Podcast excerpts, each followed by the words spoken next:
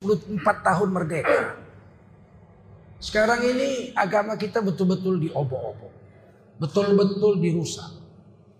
Saya tidak mau fitnah betul-betul. Baru saya baca Rektor Universitas Islam Yogyakarta, Ketua BPIP Badan Pembinaan Ideologi Pancasila yang baru, buat ulah lagi. Dia mengusulkan supaya Assalamualaikum diganti dengan Salam Pancasila. Kemarin udah dia bilang agama adalah musuh terbesar Pancasila. Hari ini dia ngomong lagi. Karena di Indonesia ada enam agama, sebaiknya salamnya itu salam Pancasila. Jadi nggak usah Assalamualaikum warahmatullahi wabarakatuh. Karena ada enam agama. Sebelum ini sudah dijalankan salam enam agama. Pejabat-pejabat Islam mulai entah siapa yang nyuruh nggak tahu saya nggak nuduh. Nggak tahu. Asal salam enam. Assalamualaikum warahmatullahi wabarakatuh. Salam sejahtera bagi kita semua. Shalom. Om Om Swastiastu. Namo Buddhaya. Santi, santi macamnya. Dan yang anehnya, yang memberi salam enam agama itu cuma orang Islam. Pejabat-pejabat Islam. Pejabat Kristen nggak ada. Orang Kristen kalau jadi pejabat, kalau pidato, selamat malam. Saudara-saudara sekalian, ah, sudah cukup dia selamat malam aja. Hindu juga selamat pagi. Islam ini yang latah-latahan. Bawa-bawa enam agama. Nah karena itu nggak laku, sudah mulai diserang oleh para ulama dijawab. Eh muncul udahlah nggak usah pakai enam agama. Bikin salam baru aja. Salam Pancasila. Kok negara ini kayak pramuka ya? Salam pramuka, prok prok prok. Eh, eh. Makin hari makin sontoloyo aja. Maka kita jawab. Dalam Islam, salam itu syariat Islam. Agama lain kita nggak mau urus, lakum dinukum boleh Kalau agama lain mau silakan aja nggak ada urusan. Kita nggak urus agama orang, yang kita urus agama kita, agama Islam. Setuju? Dari 267 juta rakyat Indonesia sekarang, 230 juta orang Islam. Yang perlu oleh ulama-ulama diluruskan itu ya diberi bekal supaya jangan rusak ya orang Islam. Orang lain urusan pendeta mereka, betul?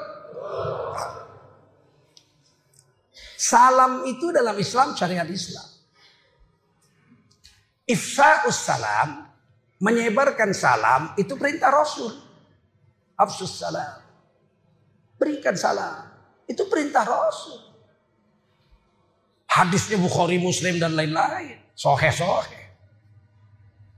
Dan dalam kitab Bulughul Maram, lafaz salam itu Nabi ajari. Langsung Nabi yang ngajari. Assalamualaikum dapat 10 pahala. Assalamualaikum warahmatullah dapat 20 pahala. Siapa memberi salam Assalamualaikum warahmatullahi wabarakatuh dia dapat 30 pahala. Ini Nabi yang bilang hadis Bukhari dalam kitab Bulughul Maram. Yang menyusunnya Imam Ibnu Hajar. Ahli hadis dalam mazhab Syafi'i, ahli fikih. Ikutan kita setelah Imam Nawawi. Ulama tarjih dalam mazhab Syafi'i itu dua. Imam Nawawi dan Imam Ibnu Hajar. Menjawab salam pun Rasulullah mengajarkan. Kalau menjawab waalaikumsalam. Sepuluh pahala. Kalau dia jawab waalaikumsalam warahmatullah, dia dapat 20 pahala. Kalau dia jawab waalaikumsalam warahmatullahi wabarakatuh, yang menjawab dapat 30 pahala. Ini syariat Islam, ajaran Nabi. Nah, sekarang kita praktekkan. Saya beri salam tiga kalimat, Anda jawab tiga kalimat. Assalamualaikum warahmatullahi wabarakatuh.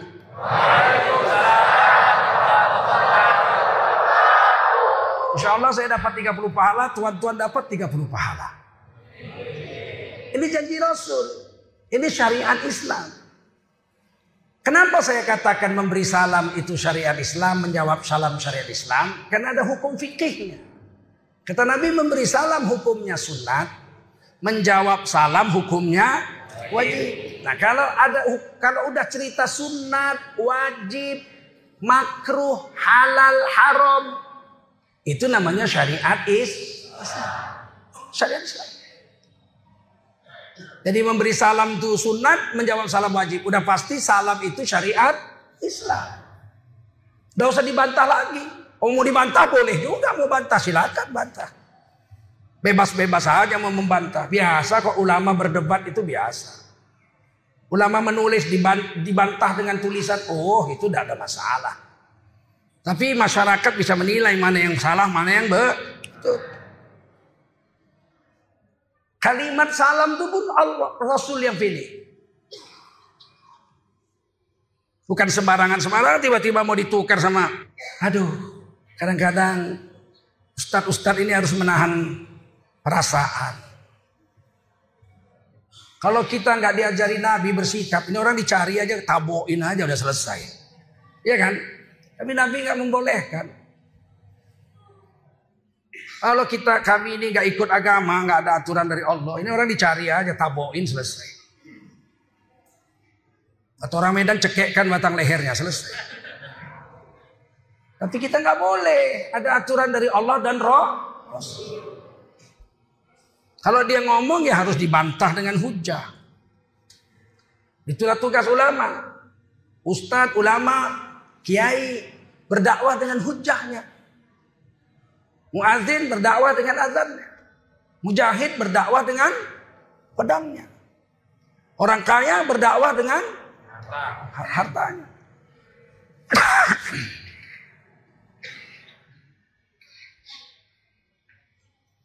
Alhamdulillah Allah pun memberi salam. Allah SWT Rabbul Izzat. Allah yang maha perkasa pencipta seluruh alam semesta. Ternyata memberi salam. Memberikan salam kepada nabi-nabinya.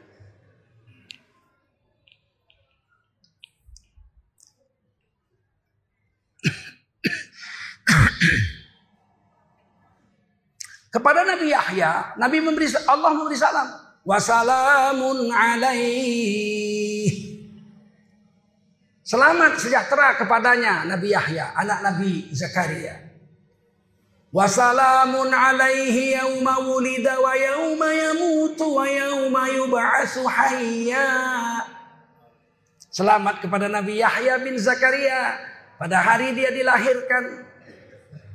Beliau dilahirkan dari seorang wanita yang tidak mungkin punya anak, mandul. Nabi Zakaria sudah periksa istrinya ke dokter, ke tabib. Ternyata nggak punya anak. Nabi Zakaria doa tiap malam minta anak. Wa mro'ati akhir. Istriku mandul ya Allah. Langsung Nabi Zakaria bilang, wa mro'ati akhir. Istriku mandul ya Allah. La tar la tazarni fardan wa anta khairul warisin. Tapi ya Allah jangan biarkan aku hidup sebatang kara nggak punya ahli waris. Engkau lah ya Allah sang maha pemberi anak sebagai ahli waris. Itu beliau tahajud sampai umur 100 tahun. Tiap malam minta anak. Istri udah jelas mandul sampai istrinya udah menopause nggak hamil lagi, gigi udah ompong, udah nenek-nenek, udah keriput. Nggak mungkin lagi punya anak. Allah beri kabar kepada Nabi Zakaria. Fanadathul malaikah Malaikat memanggil Nabi Zakaria. Huwa qaimun yusalli fil mihrab. Pada saat itu Nabi Zakaria sedang sholat di mihrabnya minta anak. Annallaha yubashshiruka bi Yahya. Sesungguhnya Allah memberi kabar gembira kepadamu hai Nabi Zakaria. Walaupun istrimu mandul. Sudah menopause nggak haid lagi. Udah nenek-nenek, udah keriput. Tapi engkau akan punya anak. Namanya Yahya. Istrinya belum hamil, anaknya belum lahir, namanya udah muncul. Yahya. Berarti laki-laki. Kalau perempuan Yayu lah. Yayu. Yayu. Ini Yahya laki-laki.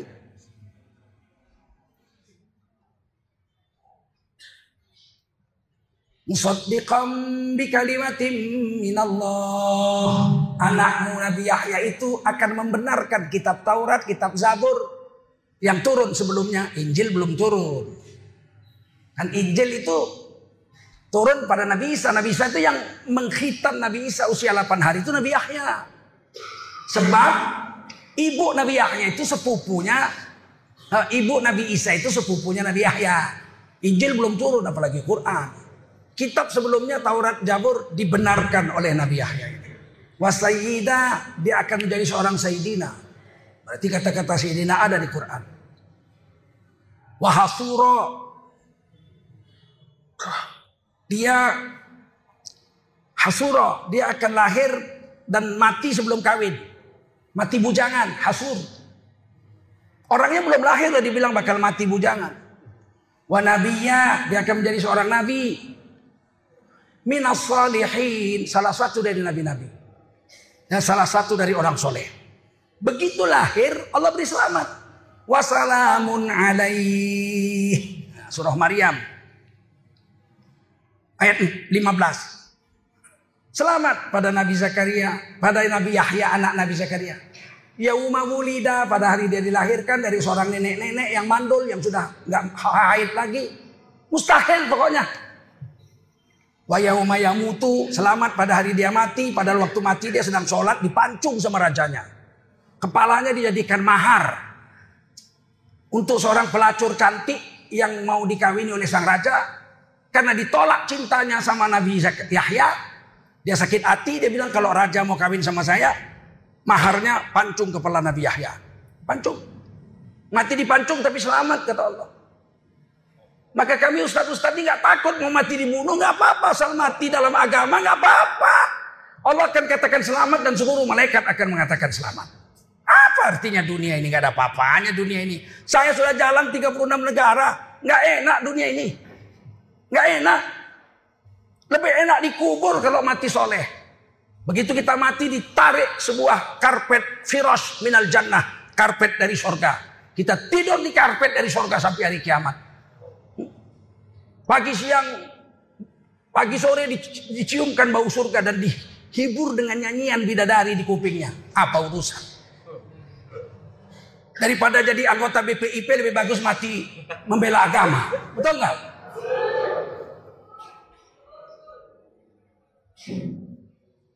Allah memberi salam, salam. Wassalamun alaih. Wassalamun alaih. Nabi Isa pun waktu lahir dari seorang gadis perawan pula yang ini nggak ada bapaknya. Allah jadikan aja hamil. Ibunya langsung melahirkan. Ketika melahirkan apa kata Nabi Isa? Surah Maryam ayat 33. Wassalamu alayya. Ternyata Nabi Isa juga membukakan sa salam. Wassalamu alayya. Salam sejahtera untukku. Nabi Isa. Yauma wulidtu pada hari aku dilahirkan Wa yauma yamu wa yauma amutu pada hari aku nanti wafat. Nabi Isa mati nanti turun lagi ke dunia. Jadi umat Nabi Muhammad 40 tahun membunuh Dajjal dan kemudian wafat dalam keadaan Islam dikuburkan di sebelah kuburan Rasulullah di Masjid Nabawi. Wa yauma ub'atsu hayya dan pada hari aku dihidupkan lagi nanti di hari kiamat. Nabi Isa pun memberi salam, wassalamu alayya, selamat sejahtera atas diriku.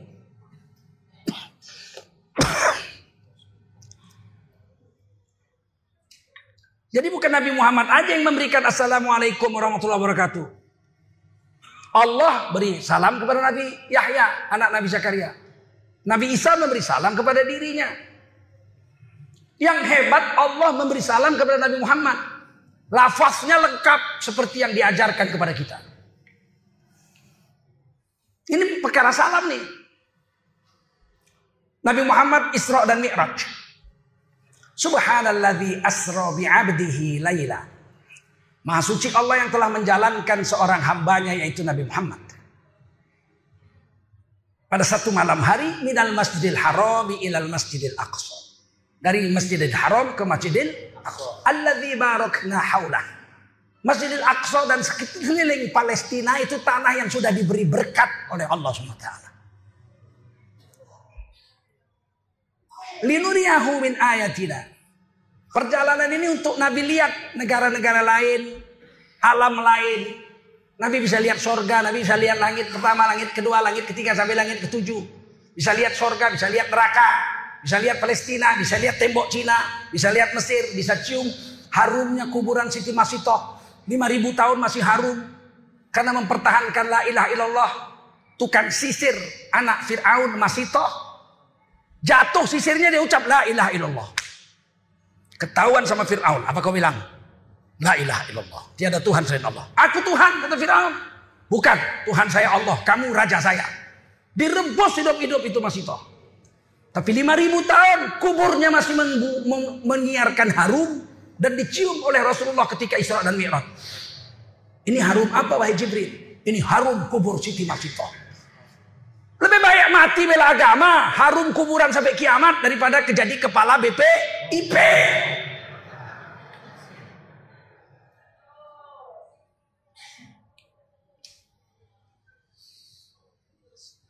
Kemudian Nabi naik ke langit dengan buruk sampai Sidrotil Muntaha berhenti. Malaikat Jibril sampai situ batasnya. Lewat itu ke atas lagi, malaikat Jibril musnah tanpa bekas. Tidak cukup kuat jasad malaikat Jibril melewati batas Sidrotil Muntaha.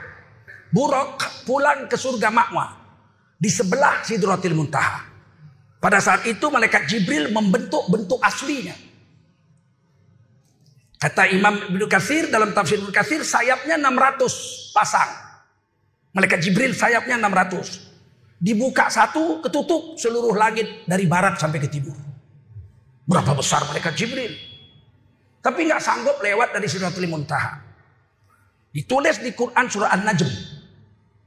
Walaqad ra'ahu nazlatan ukhra inda sidratil muntaha indaha jannatul ma'wa. Pada saat itu Nabi Muhammad melihat bentuk malaikat Jibril yang asli kali kedua. Kali pertama turun dari Gua Hira. Kali kedua di Sidratul Muntaha. Dekat Jannatul Ma'wa. Buruk balik ke Jannatul Ma'wa, surga Ma'wa. Malaikat Jibril menunggu di Sidratul Muntaha. Nabi Muhammad lewat lagi.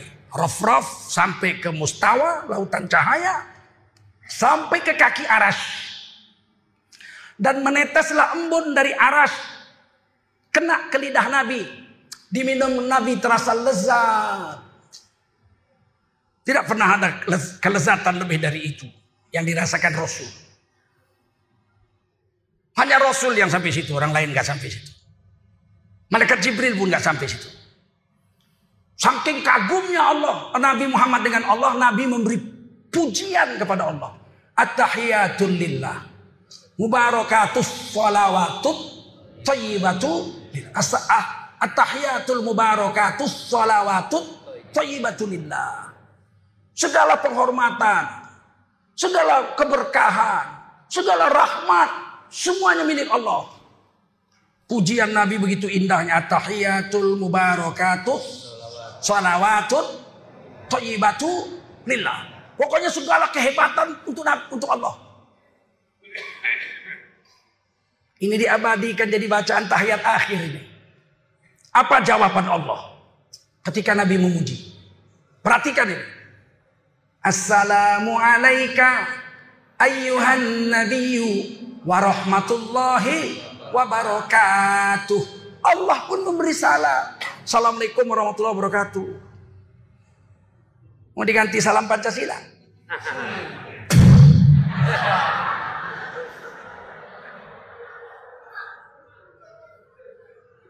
Belum tahu dia orang Medan ya enggak?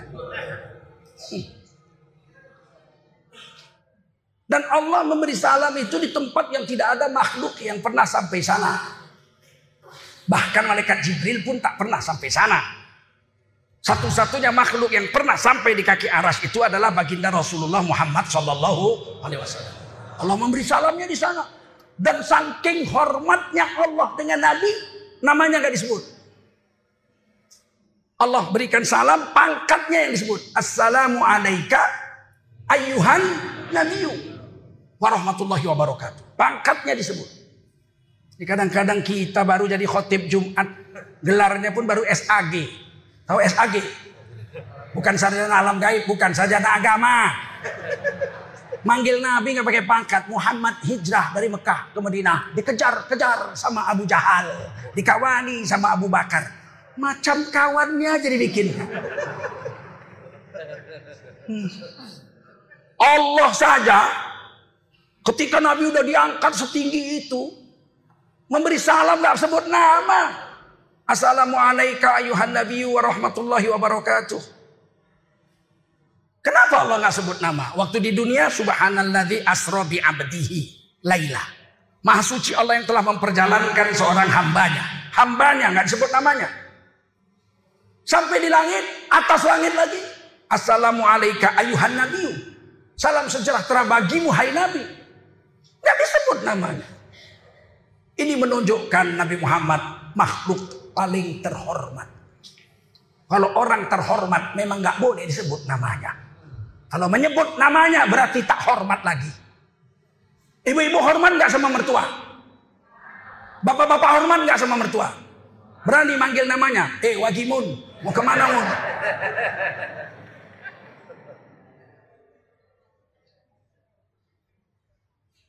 Manusia paling agung itu Nabi Muhammad SAW turun ke dunia. Diajarnya lah kita memberi salam. Assalamualaikum warahmatullahi wabarakatuh. Sehingga tahulah sahabat-sahabat semua bagaimana memberi salam. Mau ditukar pula salam Pancasila. Salam Suntuluyo. Maaflah dulu Wak. Ya? Sampai sini terang. Paham? Kita lihat pula di ayat Al-Quran. Ternyata Allah memberi salam bukan sama Nabi, sama kita orang beriman. Bukan sama Nabi Yahya, bukan sama Nabi Isa saja. Bukan sama baginda Rasul Muhammad SAW saja. Tapi kepada kita orang Islam, kalau kita masuk surga, di pintu surga Allah menyambut dengan ucapan salam. Kalau kita soleh, istri kita soleh, istri kita soleh, kita soleh. Kita akan gandengan tangan masuk surga. Hum wa azwajuhum. Mereka dan istri mereka. Fi zilalin alal araiki muttaki'un. Lahum fiha fakihatu wa lahum ma yad'un. Salam. Salamun qawlam mir rabbir rahim. Ah, bukan main ini. Mereka dan istri mereka akan bersama-sama masuk surga di bawah naungan yang sejuk dan nyaman di dalam surga. Suami istri itu minta apa saja di surga akan diberi oleh Allah Subhanahu wa taala. Dan di depan pintu surga Allah menyambut mereka. Salam. Qaulan birrab birrab. Salamun. Selamat sejahtera atas kamu. Itulah Sambutan Tuhan mereka ketika mereka mau masuk surga. Ah, mau diganti bila Pancasila. Ye. Maaflah dulu Wak, ya enggak? Bukan kami benci Pancasila, tapi Pancasila nggak boleh menggusur agama, betul? Pancasila falsafah negara. Sila pertama ketuhanan yang maha esa. Pasal 29 ayat 2 negara menjamin tiap-tiap warga negara untuk memeluk agama garis miring kepercayaan dan menjalankan agama garis miring kepercayaannya masih. Negara menjamin kita memakai assalamualaikum. Kok mau ditukar-tukar jadi salam pramuka, salam Pancasila, salam Sontoloyo, salam Gendruwo. Hmm. Jangan kau rusak agama kami bos, betul? Kau mau jadi pejabat apa nggak urusan kami. Walaupun sebetulnya duit kami yang bayar gajimu. Betul nggak? Duit pajak kita, betul. Jangan ganggu-ganggu agama kami. Pancasila dan Undang-Undang Dasar 45 menjamin kita menjalankan agama 100%. Betul? Kemarin dipanggil di ELC nggak datang dia kucur kau. Kalau orang Medan bilang kembut. Kembut. Tahu kembut? Kembut tahu? Ha. Buntutnya macam pantat ayam tuh. Itu kembut. Datangilah kalau berani, ya kan? Saya diminta itu, saya nggak bisa karena saya di Medan. Sebetulnya bukan Ustadz Zaitun, harusnya saya itu. Kalau saya gondol saya bikin.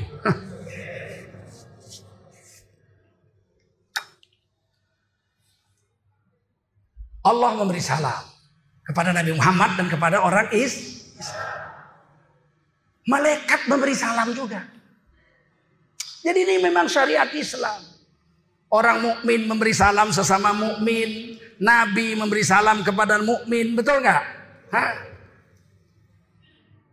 Waktu Allah beri salam, Assalamualaikum ayuhan Nabi wa rahmatullahi wabarakatuh. Allah menjawab, Assalamu alaina wa ala ibadillahis salihin. Yang selamat bukan saya aja ya Allah, tapi kami semua orang beriman. Bilal bin Rabah yang tinggal di bumi sana, Abu Bakar Siddiq, Oh, Ibnu Mas'ud yang tinggal di bumi sana nggak naik ke langit. Wa ala ibadillahi salihin. Dan semua hamba-hamba Allah yang soleh-soleh sampai hari kiamat mendapat assalamu alaikum. Kita lihat malaikat memberi salam sama ahli surga. Orang-orang soleh menurut Quran surah Ar-Ra'd akan dimasukkan dalam surga jannatun aden. Apa namanya? Jannatun aden. Surga aden. Orang orang Batak menyebutnya Taman Eden. Eden. Di mana Nabi Adam dan Hawa Eva diciptakan? Di Taman Eden. Jannah. Jannah bahasa Arabnya taman. Aden mana bisa orang Batak bilang Aden? Eden.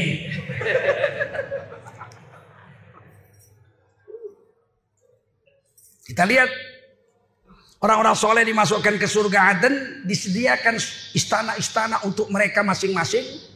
Tapi sebelum mereka pulang ke istana masing-masing, Allah kumpulkan mereka di sebuah istana besar.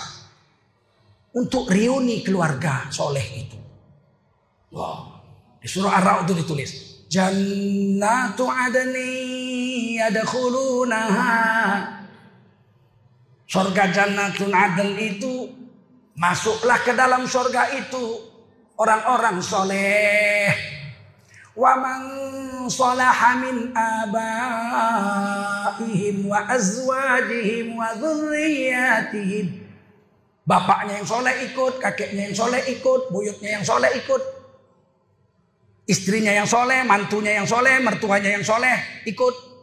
Anaknya, cucunya, cicitnya, cicit-cicitnya, waduriyatihim, cicit-cicit-cicit-cicitnya ikut semua masuk. Dikumpulkan dalam satu istana besar.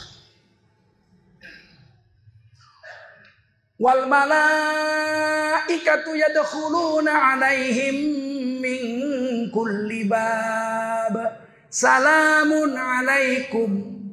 Salamun alaikum bima sabartum fa ni'ma Surga Jannatul Aden itu disediakan untuk orang-orang soleh. Masuklah mereka yang soleh-soleh ke dalam surga itu. Dan ikutlah bapaknya, kakeknya, buyutnya, anaknya, cucunya, cicit-cicit, cicit-cicitnya, istrinya, mertuanya, mantunya. Ke dalam surga dikumpulkan dalam satu istana. Dan malaikat-malaikat menyerbu seluruh pintu-pintu istana itu. Berapa juta malaikat yang masuk itu? Pintu surga itu kalau surga besar, istana besar, itu kata Imam Ghazali, pintunya seribu. Satu pintu terdiri dari seribu kamar. Satu kamar diisi dengan seribu tempat tidur. Satu tempat tidur ditunggu satu bidadari. Dan istri kita menjadi ratunya bidadari di dalam Islam. Saya bidadari itu ya hebat. Lebih hebat istri saya lah. Kalau dia solehah dia jadi ratunya bidadari. Betul nggak? Kalau kita lihat bidadari tenganga 70 tahun, lihat istri kita kita tenganga 4900 tahun. Saking cantiknya. Nisaul jannah.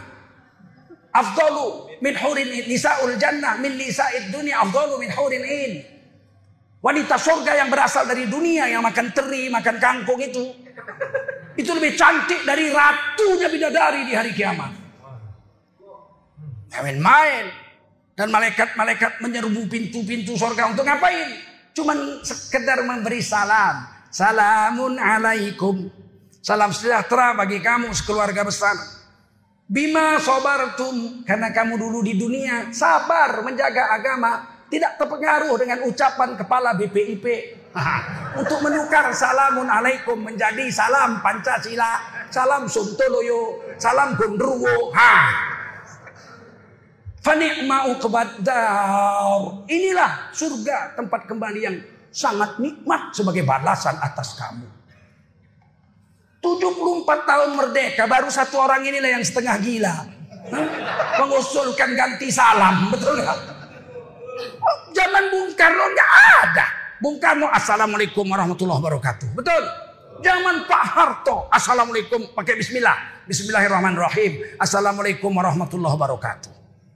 Zaman Pak Habibie Assalamualaikum warahmatullahi wabarakatuh. Zaman Gus Dur banyak tambahan. Gus Dur Kiai. Bismillahirrahmanirrahim. Assalamualaikum warahmatullahi wabarakatuh. Hamdan wa syukran lillah. Wa wa salaman ala rasulillah. Wa ala alihi wa sahbihi wa mawala. Allahumma salli ala sayyidina. Wa maulana Muhammadin wa ala alihi wa sahbihi ajmain. Namanya ulama. Nggak ada satupun orang yang berani bilang Gus Dur ke Arab-Arapan. Karena waktu itu PKI belum nongol. Anak cucu PKI masih mendem di kolam. Belum nongol.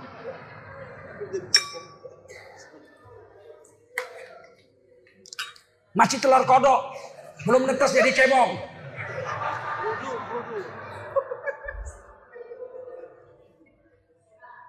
Ganti Bu Megawati sama. Assalamualaikum warahmatullahi wabarakatuh. SBY sama. Assalamualaikum warahmatullahi wabarakatuh. Diterjemahkannya salam sejahtera bagi kita semua. Yang ini. Aduh ampun lah. Aduh. Ampun lah udah potongannya kalah sama yang lain ya. Tingkah lakunya bikin jengkel aja. Kalian pun tak apa kalian pilih kemarin dia. Aku tak kupilih dia. Kalian pilih tobat kalian yang milih dia. Aku tak kupilih dia. Potongannya nggak sedap.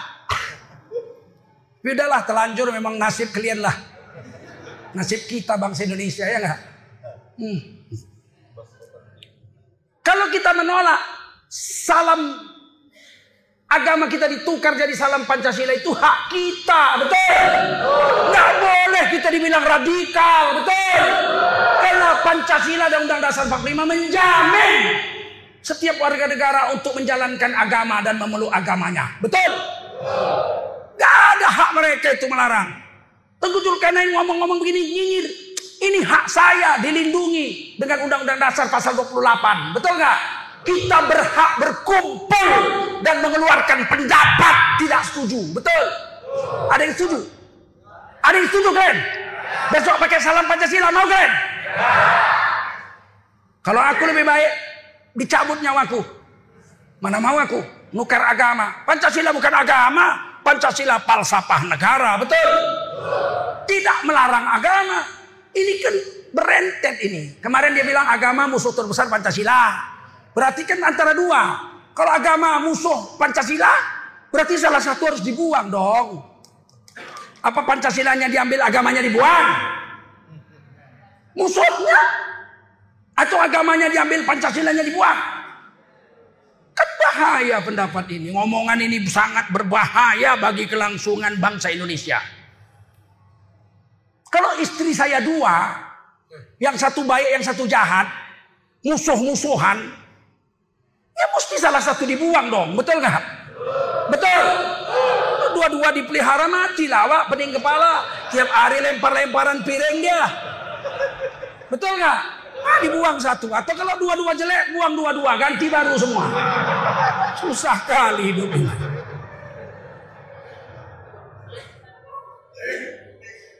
Sampai sini paham? Orang Islam itu harus fatona, harus cerdas. Tidak boleh kita bodoh. Tidak boleh kita penakut. Nggak takut kita menyatakan kebenaran. Apa urusannya? Kalau mengucapkan Assalamualaikum salah, mesti diganti salam Pancasila. Berarti presiden kita yang dulu-dulu salah semua, betul? Bukan kau aja yang punya negara ini, bukan nenek moyang kau punya, ya nggak? Bukan menumpang kita di negeri ini, betul? Bapakku pejuang kok. Bapakku ikut perang. Jalan kaki mundur-mundur melawan Belanda sampai ke Laut Pakam sana. Perbatasan Aceh Tenggara sana, kota Cane. Komandannya keponaannya, sepupu saya Tengku Nurdin. Kolonel Tengku Nurdin dengan Kolonel Syahrul Latif. Sana orang tuh berjuang. Masih muda bapakku masih umur 15 tahun, 14 tahun, 17 tahun masih. Sniper, penembak tepat. Juara nembak pon 3 bapakku. Bukan kaleng-kaleng.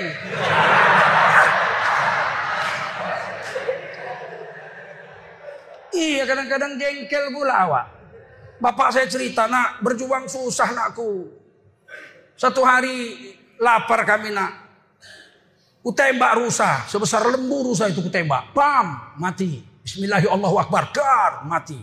Dikulitilah dimasak sedap-sedap. Digulilah daun ubi pakai kelapa. Digulilah pula rusa tadi. Pas giliran mau makan tak ada beras. Dimakan pakai keladi. Sedih kali. Makan Enak yuk kan main rusak ya nggak? Nasi nggak ada. Sekarang nasi banyak ada ikan asin kawannya. Belum merdeka nasi tak ada rusak makanannya ya. Udah merdeka nasi ada ikan asin kawannya. Itu pun baunya jadi ambil.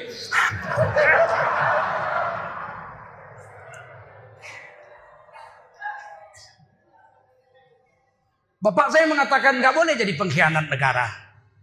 Tapi tidak boleh menjual agama untuk kehidupan bernegara. Betul? Sebelum Indonesia merdeka ada 200 kerajaan Islam di Indonesia. Dari Aceh sampai Papua Raja Empat Islam semua 200 kerajaan. Di Sumatera Timur ini aja tempat kita tinggal ini 16 kerajaan Islam. Hmm. Mereka mau bergabung menjadi NKRI karena dijanjikan boleh menjalankan agama 100. Kalau nggak boleh ngapain kita gabung sama Indonesia? Merdeka Sumatera, bikin negara sendiri, negara Andalas, kaya raya kita ya nggak? Nggak ada uang kita diambil orang Jawa spesial pun ya nggak? Nah, biar orang Jawa makan beton. Kan nggak itu nggak kita lakukan 74 tahun, betul? Nggak kita lakukan itu, kita bersedia bergabung. Aceh itu, itu Aceh bukan jajahan Belanda. Ketika konferensi meja bundar, wilayah Republik Indonesia adalah wilayah yang telah dijajah Belanda. Itulah perjanjiannya. Tanda tangan PBB setuju. Nah, merdekalah Indonesia. Itu kan terus main sampai tahun 50. Konferensi meja bundar diputuskanlah. Oke, Indonesia merdeka. Tapi wilayahnya yang pernah dijajah Belanda. Tidak termasuklah Yogyakarta dengan Aceh. Karena Aceh nggak pernah dijajah Belanda. Yogyakarta juga tidak pernah dijajah Belanda. Sultan Jogja tetap jadi sultan zaman Belanda. Diponegoro melawan Belanda, tapi Sultan Jogja tidak. Nggak diganggu sama Belanda. Bung Karno datang, jumpa Sultan Jogja. Sultan yuk gabung dengan NKRI yuk. Karena apa dibujuk? Karena Yogyakarta negara merdeka. Tidak wajib ikut Indonesia. Kata Sultan Jogja, sembilan waktu itu. Hamengkubuwono sembilan. Kalau kami ikut Indonesia dapat apa? Dapat daerah istimewa. Daerah istimewa Yogyakarta. Apa istimewanya? Istimewa budaya Jawa. Sultan Jogja otomatis jadi gubernur. Seumur hidup sampai mati gantinya lagi nanti sultan yang baru. Setuju. Ternyata kan ditipu. Nggak pernah terjadi itu. Sampai setelah reformasi barulah. Baru 10 tahun ini. Sultan Jogja otomatis jadi gubernur Jogja. Karta tidak dipilih. Baru. Baru 10 tahun. Merdeka udah 74 tahun. Begitu juga dengan Aceh. Aceh itu tidak pernah dijajah Belanda. 1905 Tengku Umar syahid di ujung kala. Istrinya Cut Nyakdin, nenek kita Cut Nyakdin, masih berjuang sampai 1907. Walaupun beliau sudah buta. Dan nggak bisa lihat. Beliau ditangkap Belanda karena dilaporkan panglimanya. Sudahlah kasihan panglimanya terus-terusan di hutan. Ditangkap oleh letnan Belanda. Difoto, dia nggak mau dibuka ijazah awaknya. Ibunda kita, nenek kita Cut Nyakdin ini pakai cadar. Kain hitam, baju hitam, long dress hitam. Kain hitamnya itu ditutup ke kepala, diputar ke belakang. Cuma nampak matanya saja. Orang Aceh menyebutnya ijasawa. Dibuka, nangis dia tertunduk. Dia. Jadi fotonya itu begini. Walaupun sudah nenek-nenek. Nah, rela dia wajahnya di foto. Orang Aceh biasa tutup aurat pakai cadar, namanya ijasawa. Biasa, ratusan tahun sebelum Indonesia merdeka. Maka kalau diribut-ributkan soal, soal cadar. Cadar itu budaya Arab. Kebanyakan makan micin kau. Orang Nusa Tenggara Barat, orang Dompu juga pakai kain sarung diikat ke kepalanya, dibalik ke belakang, balik ke depan cuma nampak matanya. Saya dulu waktu SD kalau pulang ngaji main hantu-hantuan begitu. Itu pakaian orang Nusa Tenggara Barat namanya rimpu sampela. Bukan pakaian Arab. Utekek kepada kau nanti bilang-bilang Arab. Belajar sejarah kau supaya jangan malu kau.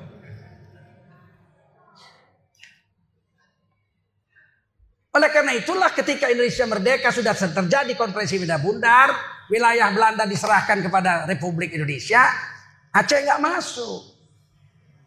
Datang Bung Karno jumpa tokoh-tokoh Aceh, gimana kalau gabung main KRI? Kami dapat apa? Dapat daerah istimewa Aceh. Istimewa apa? Istimewa agama, boleh menjalankan syariat Islam. Masuklah, ternyata gak dipenuhi.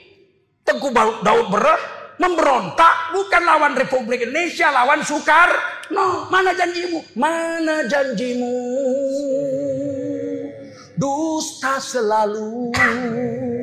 Aku tak mau lagi dengan janjimu yang kau ulang-ulang. Makanya ketika kalah pun perang Aceh, Soekarno nggak membunuh Tengku Daud Bereh, nggak dihukum mati, diberi amnesti, udahlah, dimaafkan. Janjinya apa? Daerah istimewa Aceh. Saya SD belajar sejarah. Provinsi-provinsi itu nomor satu daerah, provinsi, daerah istimewa Aceh, provinsi Sumatera Utara, provinsi Sumatera Barat, provinsi Riau, kan begitu kan?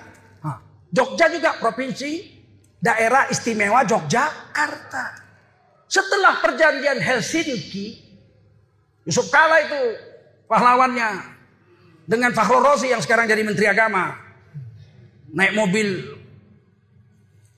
pengambil pasir. Pakai truk supirnya Jenderal Fakhrul Rozi. Panglima Iskandar Muda. Kodam satu Bukit, Bukit Barisan. Di sebelahnya keneknya Yusuf Kala.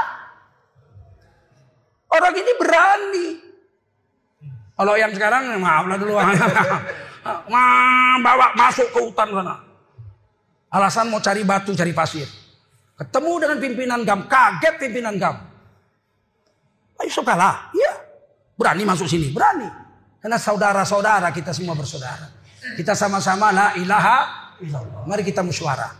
Baru musyawarah barulah dibuat di Helsinki. Keluarlah keputusan internasional bahwa daerah Aceh adalah daerah istimewa agama berlaku syariat Islam. Dibuatlah konun-konun sekarang. Di sana. Mabuk dicambuk. Walaupun nyambuknya masih begini. Kalau aku nyambuknya begini.